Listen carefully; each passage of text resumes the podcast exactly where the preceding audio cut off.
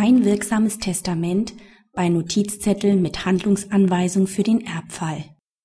Hat der Erblasser auf einem eigenhändig geschriebenen und unterschriebenen Notizzettel seine Ehefrau aufgefordert, anliegende Unterlagen dem Notar zu geben, damit der Erbschein für dich ausgestellt werden kann, so stellt dieses Schriftstück mangels Testierwillens keine wirksame letztwillige Verfügung dar.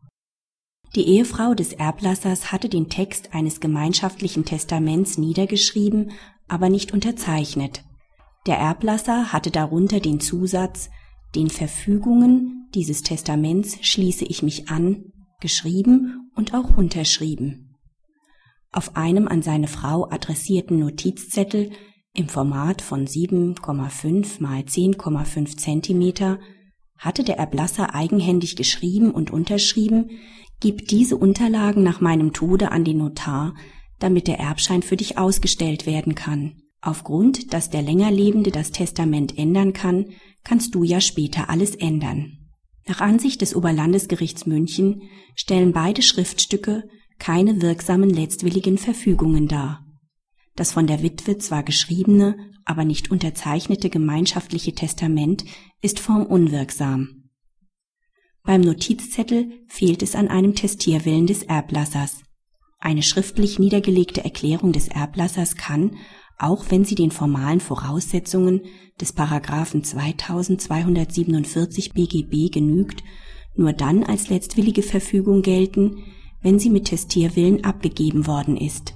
Der Erblasser hat den Notizzettel nicht als letztwillige Verfügung gekennzeichnet, etwa durch eine Überschrift wie Testament oder letzter Wille. Gegen einen ernstlichen Testierwillen spricht die äußere Form der Urkunde, die deutlich von den üblichen Gepflogenheiten abweicht. Zettel im Format von 7,5 mal 10,5 Zentimeter werden üblicherweise für kurze Notizen, nicht aber für rechtsgeschäftliche Erklärungen verwendet. Auch die auf dem Zettel niedergelegte Erklärung selbst spricht gegen einen ernstlichen Testierwillen. Der Erblasser trägt damit seiner Ehefrau auf, diese Unterlagen nach seinem Tod dem Notar zu übergeben, um die Ausstellung eines Erbscheins für sie zu ermöglichen. Dem Inhalt der Notiz lässt sich kein Anhalt dafür entnehmen, dass der Erblasser diesem Schriftstück die über eine bloße Handlungsanweisung hinausgehende Bedeutung einer verbindlichen letztwilligen Verfügung verleihen wollte. Aus dem Schriftstück wird vielmehr deutlich, dass der Erblasser davon ausgegangen ist, bereits in einer anderen Urkunde eine letztwillige Verfügung getroffen zu haben.